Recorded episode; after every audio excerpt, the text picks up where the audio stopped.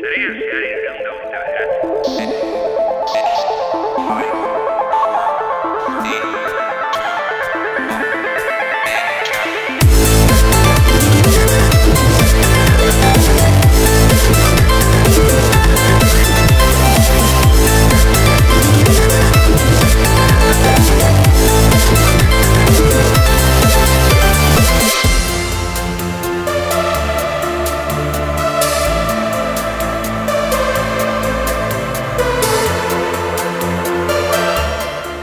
Ongetorriak guztioi sarean zehar berri honetara. E, esan behar dizuet, hasi baino lehen, e, komentatu behar dizuet, e, nahiko nekatuta nagoela. Zergatik, esango duzu, ze gertatu zaizu, laneko gauzak dira, ez, ez, ez dira nahiko gauzak.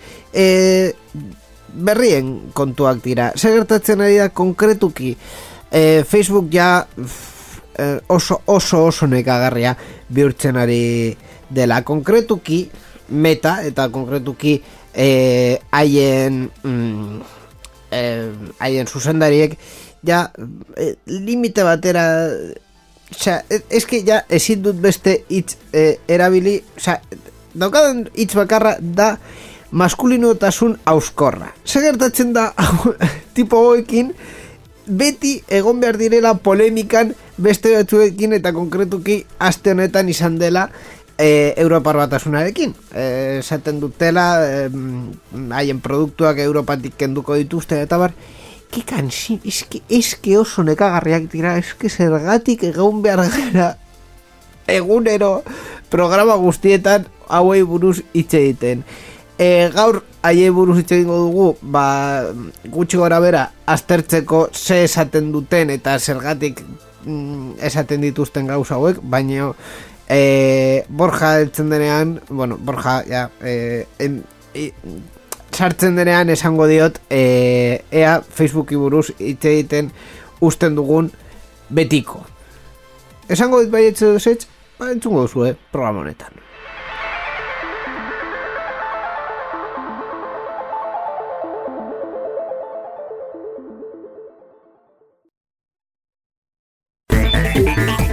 Irratsaio hau Creative Commons aitortu ez komertziala partekatu berdin lau puntu zero nazioarteko lizentziarekin banatzen da. Horrek esan nahi du gure edukiak nahi beste partekatu ditzazkezula. Informazio gehiago nahi baduzu josarean zehar.eus webgunera.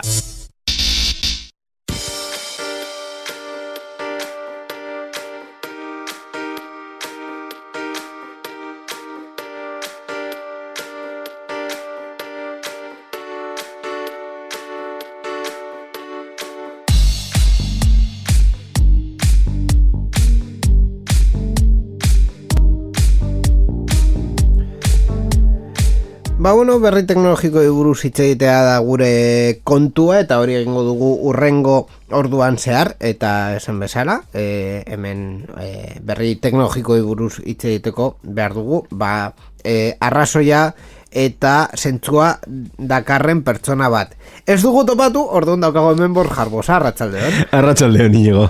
Txiste oso, oso, oso, oso obvioa zen. Osea, ez, ez, da, eh, ez dut landu, ez, ez. Inorez duena irabili noiz ez. Ez, ez, ez, ez, ez. Inoiz. Eh, hasiko gara, eh, sarrean komentatu dugun, dugunarekin, eh, bueno, Facebook eh, hainbat arazo dituelako eh, Facebook meta ez, zan nahi duzuen bezala, baina hainbat arazo dituzte momentu honetan eta haien artean eh, bueno, eh, gatazkan sartu direla Europar batasunarekin.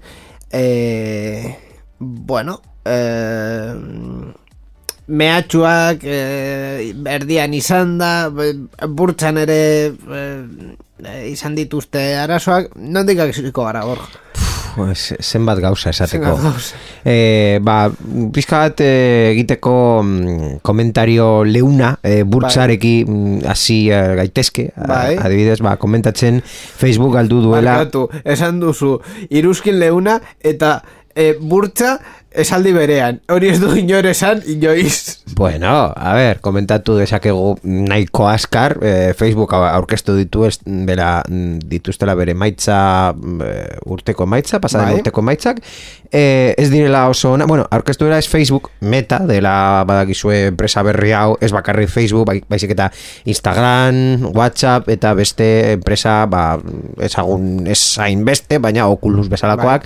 eta, eh, bueno, emaitzak ez dira txarrak, dirua irabazi dute, baina inbertsoreak ez diote ikusten hain beste etorkizun metabertsoari. E, dirua egin dute azken urtean, baino ez hainbeste, erabiltzelen e, e, zenbakiak pizkat behera joan dira. Batez ere Facebooken. Orduan, ba, bueno, e, ez da da dago hor merkatuan, orduan, ja, e, e, inbertsoreak esan dute, bueno, hemendik agian joango gara, pizkanaka, pizkanaka, bada espada, eta e, bere e, burtsako balorea, ba, laurdenean galdu du Bai. Facebook, Orduan, bueno, meta, orduan, ba, bueno. mm, Eh, arazo txoak azkenean, eh, ez da arazo ekonomikoa berez, baizik eta eh, irudi arazoa da batez ere. Bai, hori bitxikeri bat izan daiteke zen eta enpresa askotan gertatzen da, ez? Beren be, balio burtsan jeitzi edo igo edo jeitzi edo igo, ajusteak izan daitezke, baina horrekin bat eh, jakin dugu beste berri bat pizkatxo bat interesgarriagoa da. Bai. Amerikako estatu batuetako Securities and Exchange Commission, SEC deitzen dela, Bai. aurkeztutako dokumentu batean Mark Zuckerbergen konpainiak ohartarazi du zer ondorio izan ditzakeen Schrems B izeneko erabaki bat.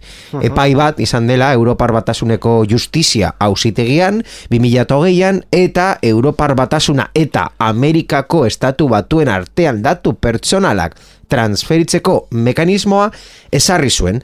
E, Amerikako estatu batuak ez du balio eta ohartarazi du informazioa partekatzeko sistemarik lortzen. Ez bada Facebook eta Instagramen etorkizuna kolokan egon daitekela Europan. Hau da, mm, metari ez zaio sistema hori ondo iruditzen eta mm, museen bezala, esaten den bezala, hor dago bat, bota du. Bai, bai, bai, e, alaxe da, e, gainera, ba, bueno, e, bi aldeko hor dagoa dago hor e, erdian. Bai, konpainiak SECI egindako ohar- ohartarazpena argia da.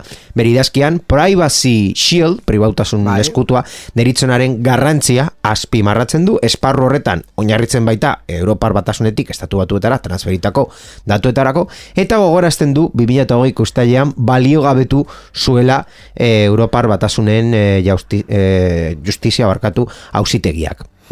Gainera, e, ba, bueno, e, badakigunez e, kontu honetan ere WhatsApp dago sartuta eta WhatsAppekin ere kontuak e, izan dituzte, baina kasu honetan Europar batasuna e, protagonista aktiboa denez, ba e, deialdia egingo diogu bere sintonia propioarekin.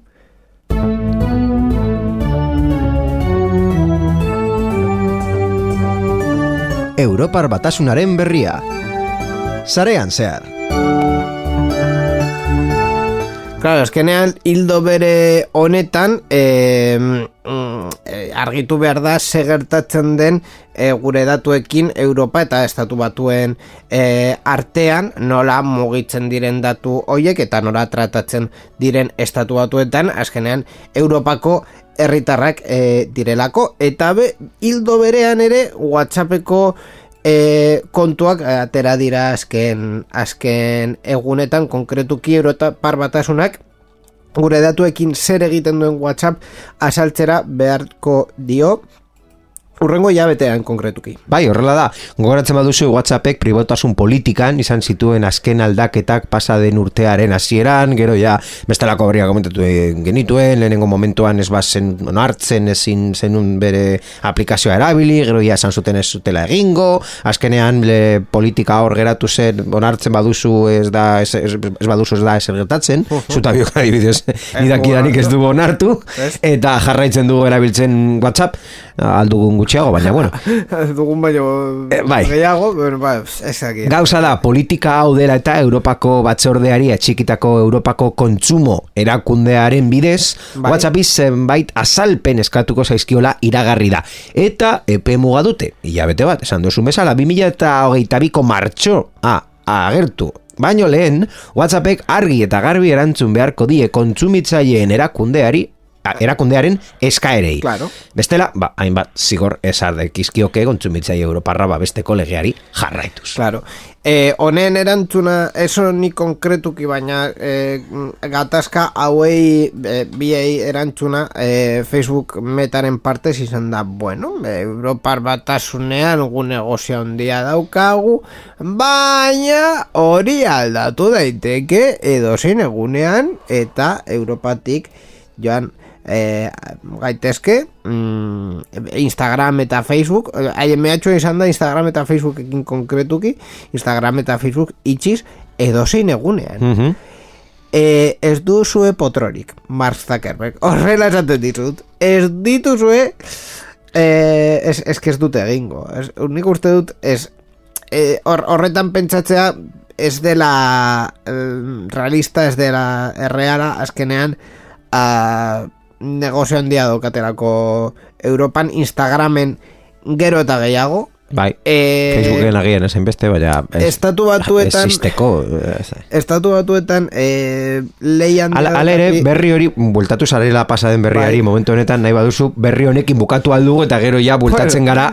Gutxi gora bera, eske Kuriositatea, nahi baduzu kuriositatea badaukazu, esplikatu aldu ze azalpena a, a, a, eskatu die WhatsAppei. Bai. Eta gero ja, Europako erakunde honek eskatzen dituen azalpenen artean dago, nola doan WhatsApp kontsumitzaileen azken zerbitzu baldintzak onartzearen ondorioak ulertu ahal izatea bermatzera, ze, gogoratu Bai. ez bakarrik jartzea eta onartzea, baizik eta ulertzea beharrezkoa da, Europak enpresa teknologikoak argiak izatea nahi du, eta teknologiara gehien ohituta daudenentzat ere zaila da batzuetan zer aldatu den ulertzea. Bai, bai, bai. Bigarrenik, WhatsAppek datu pertsonalak helburu komertzialerato, eh, komertzialeratako nola erabiliko dituen eta kontsumitzaileek datu horiek Facebook metako beste enpresa batzuekin edo hirugarrenekin nola partekatzen diren ulertzen duten azaltzen da.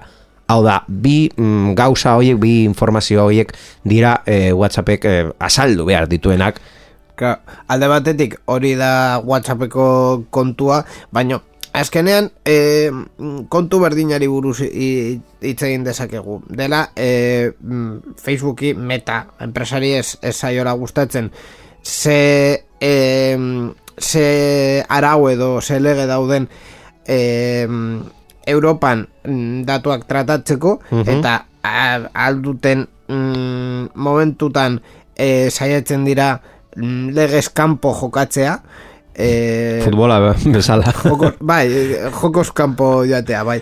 Orduan, e, bueno, mm, eh, saiakerak egiten dituzte eta batzuetan dira saiakerak beste batzuetan da, e, da WhatsAppeko kasuan bezala, ba bueno, haiek e, ez dutela asko argitzen, orduan e, azalpen horiek e, oso grisak eta oso opakoak izango direla, e, ziurrenik, aposto egingo dut izango gatazka ulertzeko eh, ulertu behar da nondik ateratzen duen dirua Facebook. Edo meta edo nahi duzu Instagram ez dizu kobratzen, Facebook ez dizu kobratzen Claro. Whatsapp ez zizun kobratzen kobratzen zizun baina orain ja ez.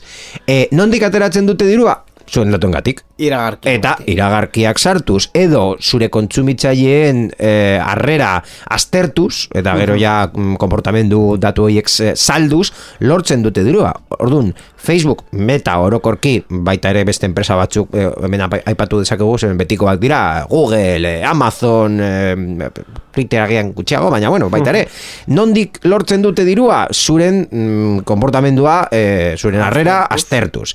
Eta datu horiek hirugarren enpresekin partekatuz diruaren truke. Claro. Orduan, e, beste gauza bat aipatu behar da, Amerikako estatu batuetan legea, legeak ez dira hain hain Zorrotzak. zorrotzak gauza hauekin. Eta enpresa hauek Amerikarrak dira, guztia, hortik etortzen dira. Orduan, beren negozio basea hor dago. Zergatik orduan Facebook mm, bilatzen du hainbeste nola mm, ba, gauza hauek e, saiestu. Zeren eta beren negozio basea dago Amerikako estatu batuetan, zeren e, Amerikako estatu batuetan legeak ez dira hain zorrotzak, eta geroia dago beste gauza bat. Nondik ateratu Facebook bere fama txarra? Datuak filtratu direnean, gogoratzen dugu Claro. Cambridge Analytica eta hoiek gauza guztiak, eh, erresuma batuan eh, hauteskundeak egon zirenean nola eh, hor zeuden akusazioak, Errusiak eh, Amerikako elekzio eh, hauteskundeak bai, bai, ere. Hau da, hori guztia mm, jendearen baita ere mm, uste dut barruan geratu da, eh, Facebook kantzelatu, kantzelatzeko baita ere mm, mugimendua egon da, eta ba, pizkanaka pizkanaka uste dut hori eh, Facebooken faman ba, egin du egin du hor. Claro. E, hori da eh, oso ondo eh, azaldu zu, hori, hori da mm, kontu honen mamia eta azkenean e, ba hau izan leike e, Ja, Google News egin zuen Espainian, eh? ateratzen eh, Claro. zin delegea atera zenean. Bai, zinderage atera zenean, e, haiek ikusi zuten diru bat e, ordaindu beharko zutela e, komunikabide batzuei, ez guztiei, baizik eta bakarrik batzuei, eta esan zuten, bueno, ba, zerbitzu hau Espainian e, itxiko dugu. Ez Eta delako, ez delako lehiakorra horrela e, jokatzea. Eta rentagarria beraientzat. Claro. Hau da. Ba, hau, izan leike, ba, saskibaloien bezala, bi araudi oso, eh, bueno, oso, eh, nahiko mm, diferenteak daudela Europakoa eta en eh, estatu batuen, batuena, ba, Mhm. a, Facebookekoek eh, jokatu nahi dute Europako zelaian estatu batuetako arauekin. Bai. Gutxi gora bera. Bai, bai. Eta azalduta. Europakoek esaten diete eh, ez ez. Hau ez doala horrela. Orduan ba Galdera da, zer egingo dute? Google News bezala txiringitoa itzi eta hemendik Ez dut Kanpo. uste. Ez dut uste. Ez dut uste, azkenean, ba hori, e, negozio asko daukaterako, Europan posizio e, askoz e, mm, fuerteagoa daukatelako e, Euro, e, estatu batuekin konparatuz, estatu batuetan e, Snapchat Mhm. oraindik merkatu asko dauka. Ez hainbeste, osea, ez da ez dago lehenengo posizioan ez da bigarrenean, hor dagoelako what, e, Instagram eta TikTok, baina hirugarrenean daude. Eta edozin momentuan lehenengo postura e, igo daiteke Bai. mm, arazo barik, orduan e, Europan askoz e, presentzia handiagoa da- dauka Facebook, Instagramekin konkretuki ez dut uste e, egunen batetik bestera zerbitzu hori kenduko kenduko duten e, Facebook mm, Facebook plataforma konkretuki ba, begira Facebook ja ez du ia inor erabiltzen ba, bueno e, ez da galera handia izango. In, be- beste inkesta bat egiteko, goratzen duzu inkesta egin zenuenean Disney Plus, Disney Plus, Disney Gay... Eh, Disney gai hori zen. Hau, hau, hau inkesti, inkesta berri bat me- merezi du. Zenbat erabiltzen duzu Facebook azkenengo hilabetean, zeren Facebook badauka algoritmo bat eh, erabiltzaile aktiboak eh, zenbat, mm, Zenbateko, diren jakiteko, eta zein da algoritmoa, zenbat erabiltzen duzun azken hilabetean? Ez dakigu Bai. ez dute inoiz esango Bueno, ba, inkesta bat egin aldugu gure entzulengan esateko, zenbat eh, erabiltzen duzu Facebook zura azken hilabetean, edo, edo iru, iru, iru hilabetean, edo, edo urtean. guazen kalera Eska, eh, galdetzera bertan ba bueno eh, kasu askotan gutxi nik uste dut ez duela nire, nire lagunen artean ez duela eh, horrelako kasurik izan Osea, Facebook erabiltzen duena gaur egun aktiboki e, geratzen ziren gutxiak e, estilo, azken estilo aldaketan joan ziren Osea, que ya... Inigo inkestaren momentua da. Bai, bai, bai.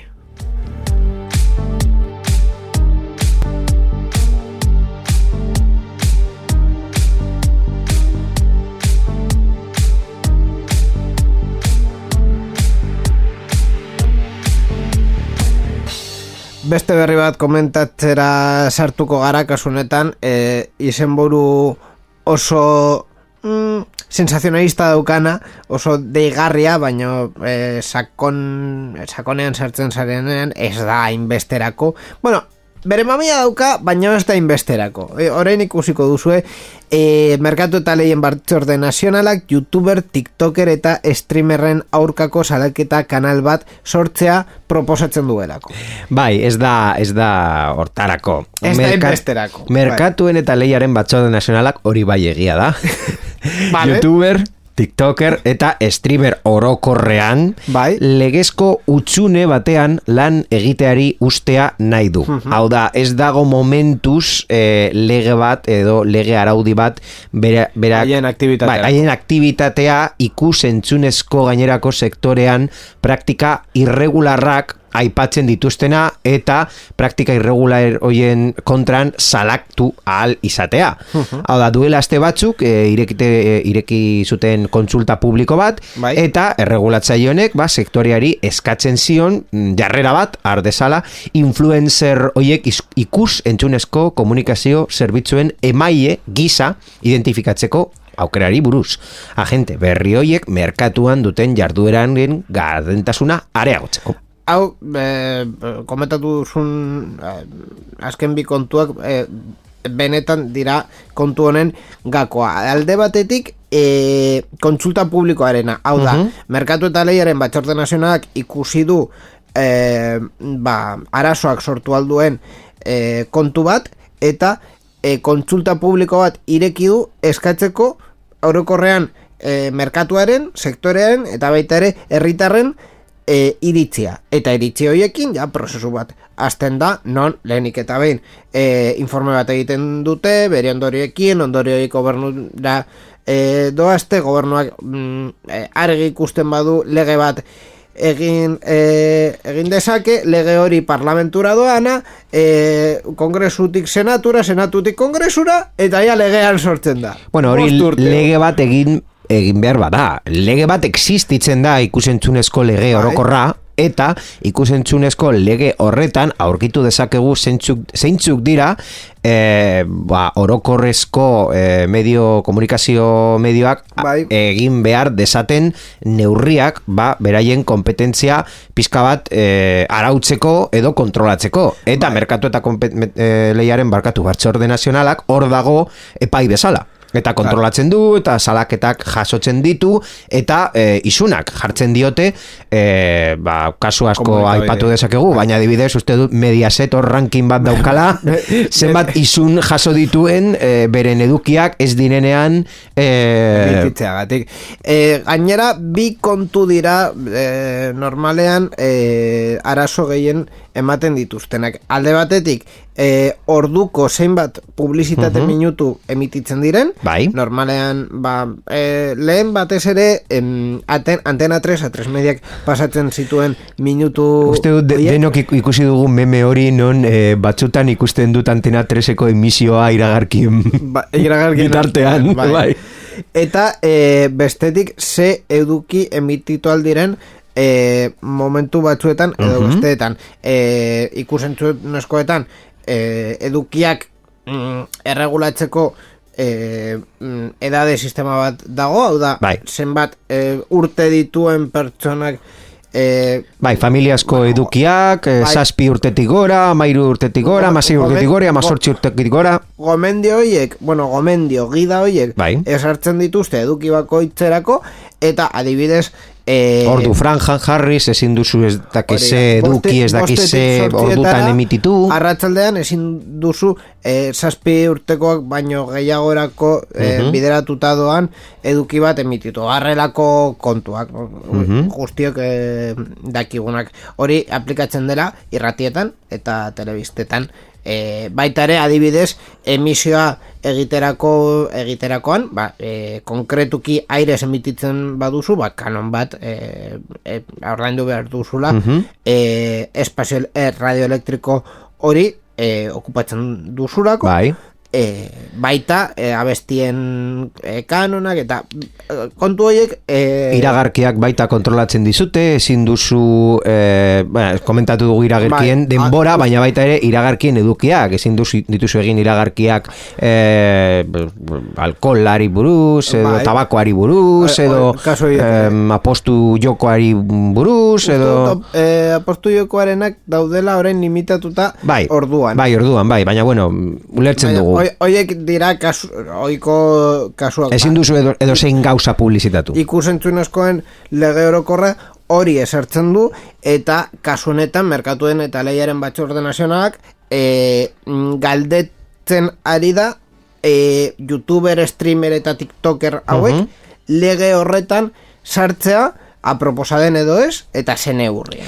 Bai, egin, du, egin dute, atera dute informe bat, non, basikoki, e, pizka bat egiten dute e, investigazio bat, Bai. ikusten dute nola dago legea idatzita, eta interpretazio bat, bat emanez, beren, e, bai, ezaugarriak esateko, e, esan dugun bezala, kategoria hortan sartuta, e, ikusentzunezko komunikazio zerbitzuen emaile. Hau da, legeak esaten du, ikusentzunezko komunikazio zerbitzuen emaile izateko ez dakit zenbat ezaugarri e, bete behar dituzu. Bai. Orduan, informe honek ikusten du ezaugarri bakoitzeko ze ondorio atera dezakegun streamer eto TikTokek e, hau e, beren aktivitatea hor ikusita.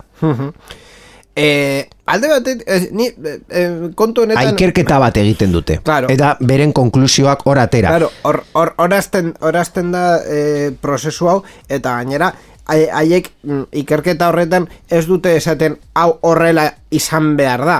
Esaten dute, hemen, Abiadura puntu bat da. claro, hemen ikusten ditugu arazo posible batzuk, eta arazo posible horiek konpontzeko hau proposatzen da.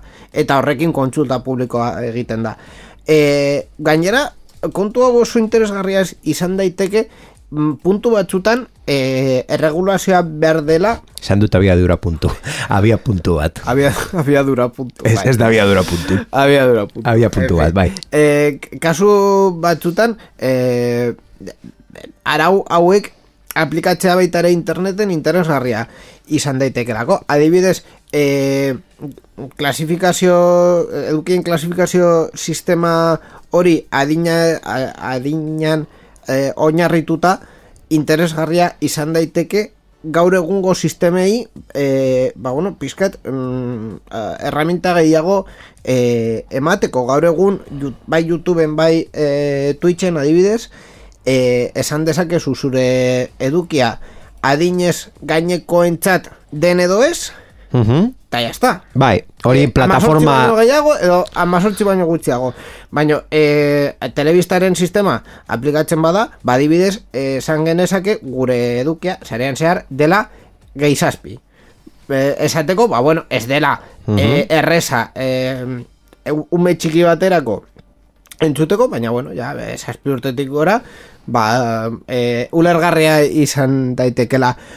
Hori, e, a ber, kasu honetan nik uste dut interesgarria izan daitekela baita ere e, publikoa e, kontestuan sartzeko. vale? E, stream bat ikustera zenean, ba, ez, e, ez e, izateko zalantza, ba, adibidez, zure zure seme alabak e, hori ikusteko apropos e, den edo ez. Claro, baita ere kontrolak egon behar dira horretarako eta ez pentsa mundu guztia kontrolatuko delako. Hau e, kontrolatuko dela, barkatu.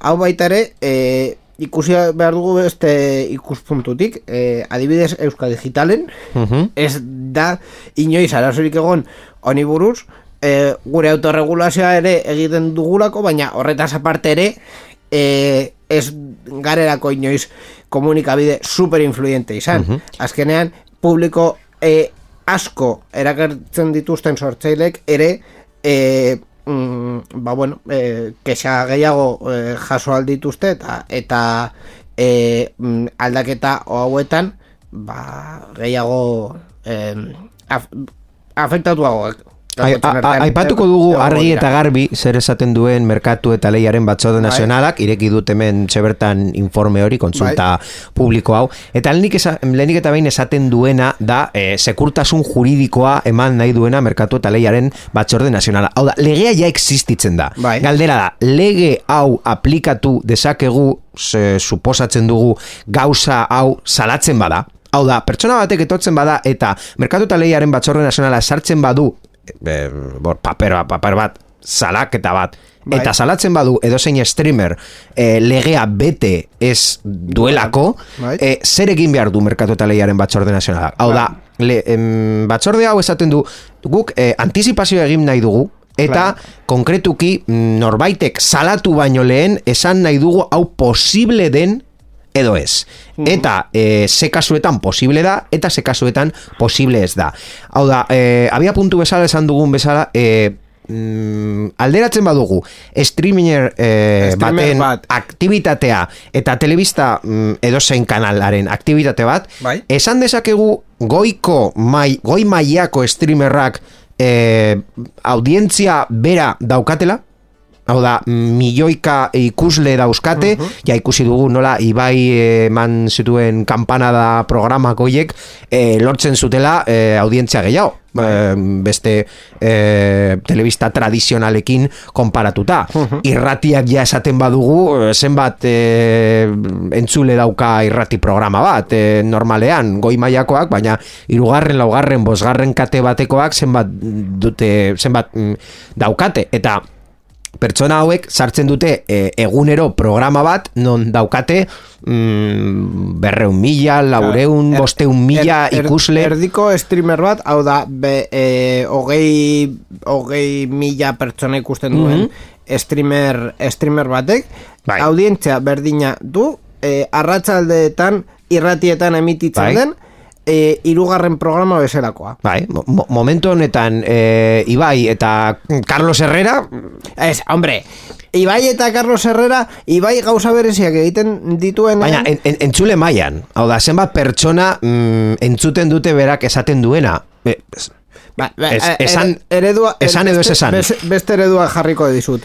Orain, ga, gaur egun, este, a, zango dut, e, Ibai eta Aimar Bretos, e, gauean dagoela kadena zerren bere e, hora 25 egiten, gutxi gora bera, audientza berdina izan e, izan dezakete mm, edozein egunean. Vale, ba, abia punto horretan jarrita, zerga, galdera da, zergatik ez, jarri mm, arau berberak. Claro. Mm, azkenean, erreperkutzio mm, berbera lortzen baduzu, eta gero, eh, ez badaukazu, arau berberak, etortzen dira eh, maltsurrak, eh, kasu honetan ez dirain maltsurrak, enpresa pribatuak dira, baina dirua lortu nahi dute, eta agian medio tradizionalarekin hor eh, legea dira zorrotzagoa, kontatu dugun bezala, Facebookekin eta Amerikako Estatu Batuak eta Europar Batasuna, legeak ez dira zorrotzak, ba, sartuko naiz hemen.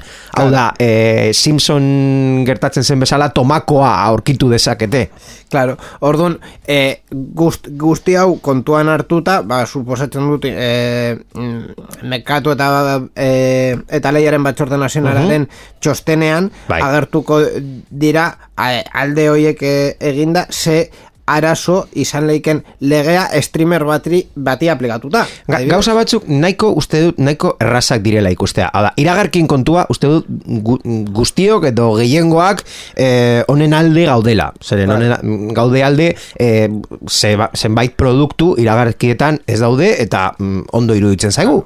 E, edo kanpaina e, egin dugu ez egoteko. Claro. Eh, adinen gauza, mm, uste dut mm, medio horretara adaptatu beharko dela. Zeren eh, orduko franjak mm, mo, mm, telebista edo sistema lineal batean, ba, beren arrazoiak dauzkate, zuk ez daukazu Claro. beste kontrolpean jartzeko sistema batek, baina mm, streamingeko plataforma bat Claro. bada, badauzka edo agian mm, handiagotu edo hobetu beharko dituzte, Eh, baina badauzkate em- em- stream- neurriak. Streaming plataforma batean egin de, egin alda e, erabiltzaileen e, profilekin. Claro, jende asko dago lehenik eta behin ez duela ikusten bere profilarekin, osea, anonimo bezala konektatzen direla, eta bestetik legalki Twitchen ezin duzula erabiltzaile bat izan amairu urte baino gehiago badauzkazu. Orduan, hor, e, franja gris batean geratzen da e, ikuslea, ezin duela e, akontua izan, orduan, ezin du bere, bere adina jarri, eta, eta bueno, ba, ez daukala erramintarik e, horretarako.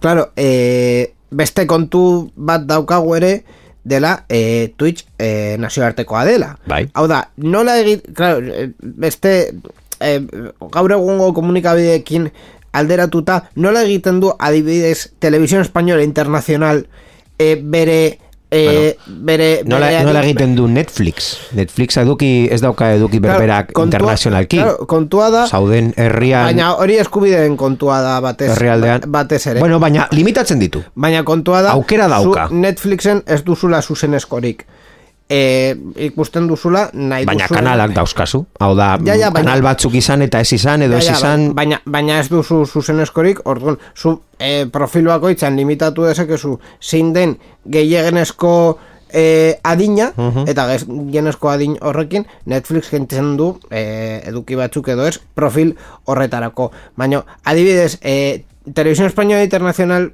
mm, katean nola egiten dute adaptatzeko e, adinen kontua atzerrira, ze, azkenean emititzen dute Europan, Amerikan, Asian, ba, ez dute egiten. Eduki bereziekin ag- Ez, ez, agian. ez dute egiten. Ez dute egiten. Ez dute egiten. Zuzenean emititzen dute e, mm, plataforma eta eta ordu hoietarako e, parrilla adaptatu bat, e, orduan, ba, bueno. Ba, da, esan dugu bezala, ez? Eduki berezia, parria adaptatua Ja, edo... bueno, parrilla aldatzen dute, baina ez, ez dute kontuan hartzen ze e, adin mm, sistema daukaten herrialde hoietan ezinezkoa delako. Osea, azkenean ezin duzu mm, hogeita bost herrialdeko e, Bai. adin sistema bateratu eta mm, kate batean jarri. I, ezinezkoa da. Orduan, hor, Ja, hortik- komentatzen duzuela, ez, ez legioke, ez goke gaizki, mm, Europar batasunak baita ere mm, leku honetan sartzea, eskua sartzea honetan. eskua sartzea eta Claro. araudi orokor bat egitea mm, Europar batasun osorako. Claro, hortik aurrera, eh, sistema... Merkatu Apro- digital bakarra eta hori Claro, guztia. hor- hor- hor- hor- hor- Hortik aurrera, sistema proposena izan leike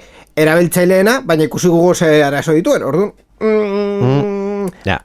Hor, eh, nahazte borrazte oso interesgarri bat mm, dago, eta gainera, eh, kasu honetan, eh, izenburuaz aparte, ni eh, mm, merkatu eta lehiaren bat txorde nazionalaren alde nago, eztabaida hau oso eztabara, eztabaida interesgarria, mamitsua eta esakona izan leikelako. Eta ez bakarrik Espainian, bestelako Europako herrialdetan ez dute hemendik ezer planteatu? Ikusi beharko E, ikusi beharko dugu. Lehenengo ea ze esaten den e, Espainiaren arloan e, interesa badaukazue martxoaren bat arte kontsulta publikoa irekita dago eta mm, e, edo nork parteatu dezake kontsulta horretan orduan? Ba, e, hor, hor dago parte hartzeko aukera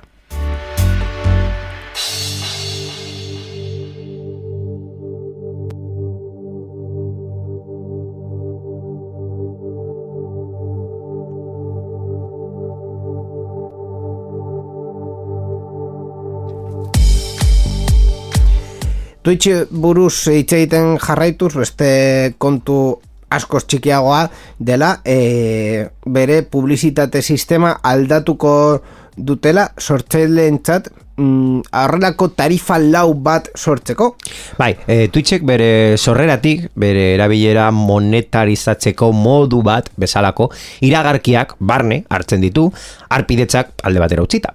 Bai, transmisioan zehar amar segundoko iragarki bat, bai, bideoaren hasieran edo sortzaileak edo mm, aurre rol bat eskuz Bai. txertatutakoak, hala ere, orain arte, presentzia harina esan du, eta hori erabat alda daiteke plataforma beta fasean jaurti aurretik garatzen ari den publizitate pizgarrien programa berri batekin. Twitchek ikusten ditugun iragarkien kopuruak nabarmen egingo baitu, ba, gora. Claro, e, sistema berriak jarriko dituzte publizitatea jartzeko, orduan, e, imagina dezakegu e, sortzaile konkretu batzutan, publizitate minutuak gora egingo dutela. Bai, es, esan dugun bezala, e, streamer batzuk e, hor audientzia potoloa daute, daukate, e, eta horretarako, ba, e, programa honek aurre zitzartutako kopuru bat barne hartzen du, kanal bakoitzaren arabera aldatzen dena, ikusleen arabera, hileko emisio ordu kopuru jakin bat betetzearen truke. Claro. Kopuru horiek ere alda daitezke, streamer bidez, emanaldietan sartzeko pres dagoen iragarki kopuruaren arabera. Orain arte, ikusitakoak emisio ordu bakoitzeko bi iru edo lau minutuko iragarkiak erakusten ditu. Bosteun, sortxireun edo mila dolarreko ordainketen truke. Urren ez urren, kanal jakin baterako dira eta aldatu egiten dira bakoitzaren izan ere, goiburuak eskaintza personalizatua dio. Claro.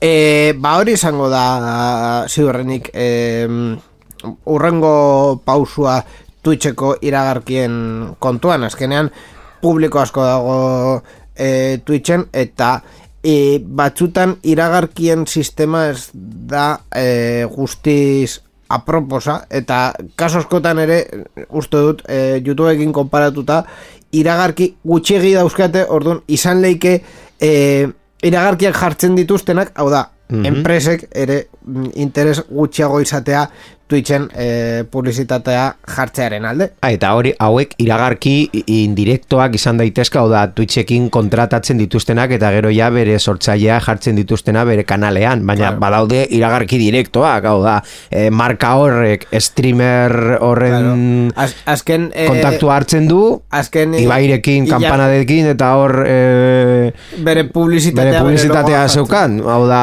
Bueno, begira, kon- kontatuko, anekdota kontatuko dizut. E, pasaden astean, Mhm. Ibai e, egiten, disaster chef edo horrelako zerbait egiten zebilela, dela, e, nola deitzen zen Netflixen zegoen e, konkurtso hori dela e, mm, e, gozokiak bai, gozoak e, egiteko bai, hor zegoen e, jurado bezala, ez? Esen beiko, bueno, berdin da.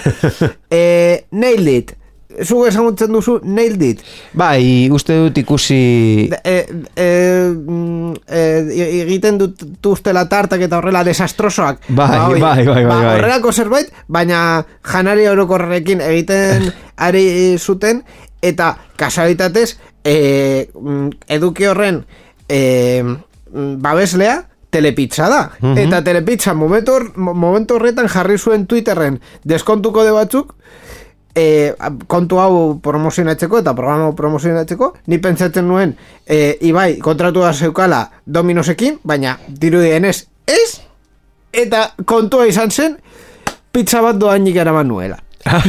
Osea que, Oso ondo, ba. da bezala berditzait, pizza doakoa, oso ondo. Baina, bueno, azkenean, horiek dira beste a, e, streamer handiak, e, horretatik e, eramaten dute Bai, ba, diru, suskripzioak dirua. alde batetik, ba, adibi, baita ere donazio bat edo bi edo hiru edo lau edo, bueno, gehiago. E- edo batzuk Edo batzuk. Et- eta eta gero Eta ba, gero ja presekin egiten publizitatea. Baina tratu. nola lortzen du diru bat eh, komunikabide bat, eh, komunikabide medio bat, eh, Claro, iragarkiekin. iragarkiekin. Hau da, al, alderatzea nahiko erraza da. Ba bueno, e, ikusten dugu kontu interesgarriak eh, direla tratatzeko eta merkatu eta leiaren batzorde nazionala ka, beste kasu askotan bezala arrazoia zeukala. Berri askarrak, sarean zehar.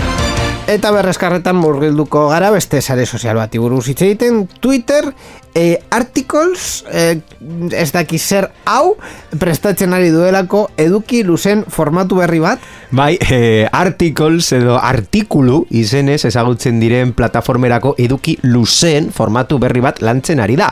Non argitalpen bakoitzeko gaur egugo berreundalarogei karaktereko gehieneko muga gaindi daitekeen. E, bai e, aplikazioaren kodea o hartarazi du Twitter articlesen funtzio berriak buruzko hor kodea dagoela. Zerbitzuaren kodea gagerian usten du article berriak erabiltzaileak sor ditzakeen elementu bat izango direla eta horrek formatu luzeko eduki mota berri bat lantzeko aukera ematen duela. A ber, Twitter, e, azaldu behar dizut. e, berreunta larogei karakter hoien sistema ondo dago. Orduan, ume bezala. Ez ukitu, zertarako ukitzen duzu. Ez ukitu, ez, ez dago beharri, ez ukitu, besedez. Eta ez jarraitu urrengo, eh, urrengo berriarekin.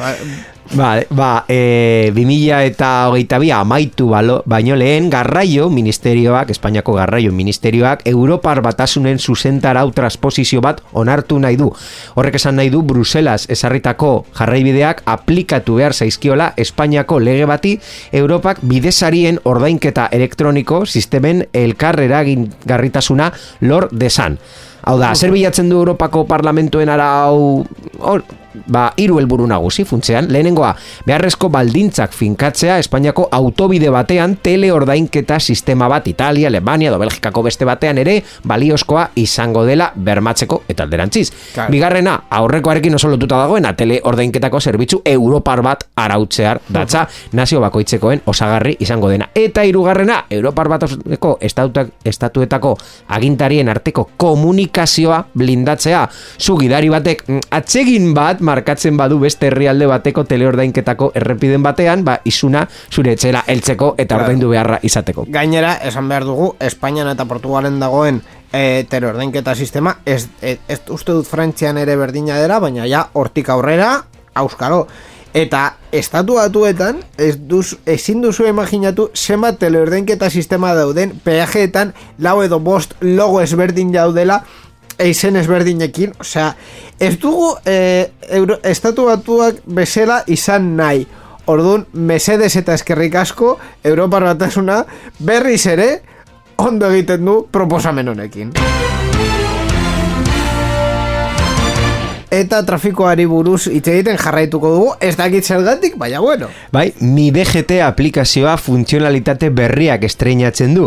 Erabiltzaileei entzun ondoren funtzionalitasunak areagotu egiten dira eta eguneratze bat jaso du sakelako telefonotik bertatik izapide asko bizkortzeko aukera ematen duena.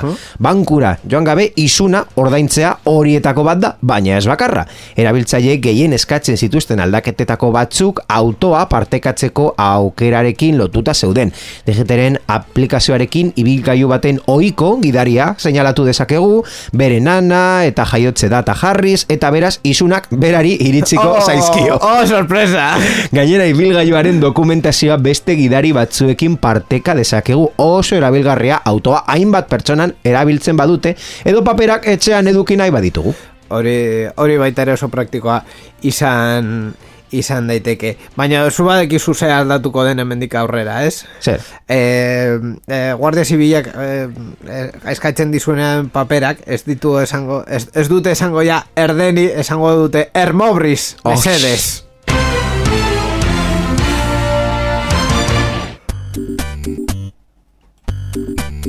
Titulol.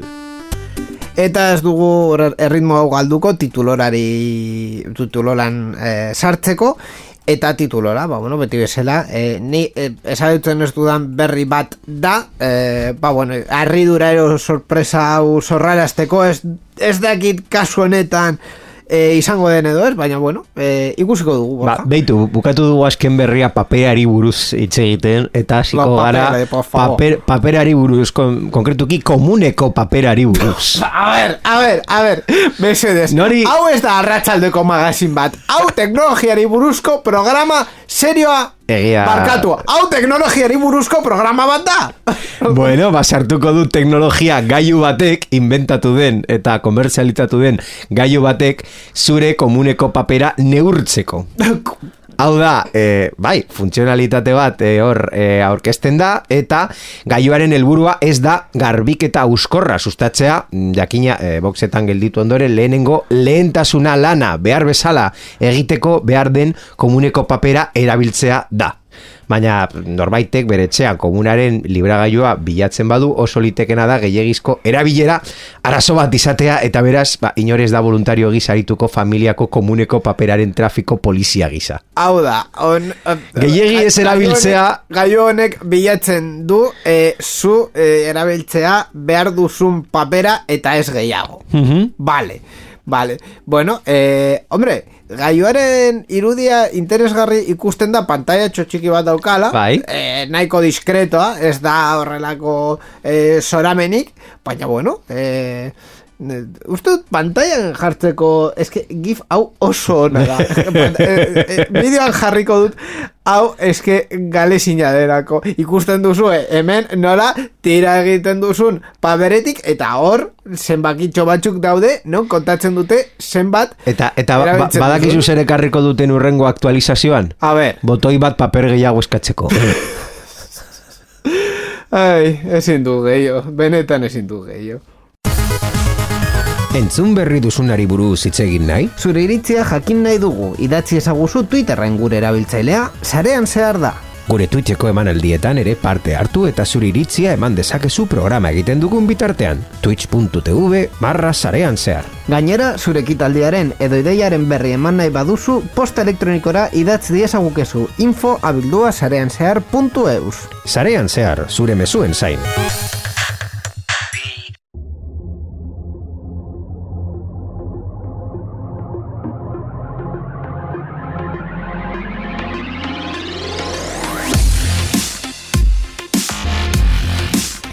Ba, honekin komuneko paperarekin bukatuko dugu saio hau, ez, ez, ez, ezin dut berri hauekin. Eskerrik asko Borja berri guzti hauek ekartzeagatik eta bi aste barru, ba, kontu gehiago sarean zehar. E, espero dugu teknologiari buruz izatea. La teknologiari buruz zen, zu eske ez da ez, ez dakit zergatik ez duzu konsideratzen teknologiakoa. Urrengo urrengo pandemia etortzen denean eta jendera korrika eta presaka juten denean komuneko papera hor e, erosteko, eskerrak emango diozu teknologia gailu hau existitzeagatik. A ber, zu, eh, paper gehien kontsumitu duzuna, zu, supermerkatura. Que zombi asko daude, idea. Aha. Bueno, ba, ba, ba, ba, bueno, horrela da bizitza, ez? Ala, Borja. Entzungo gara berriro, bi aste barru.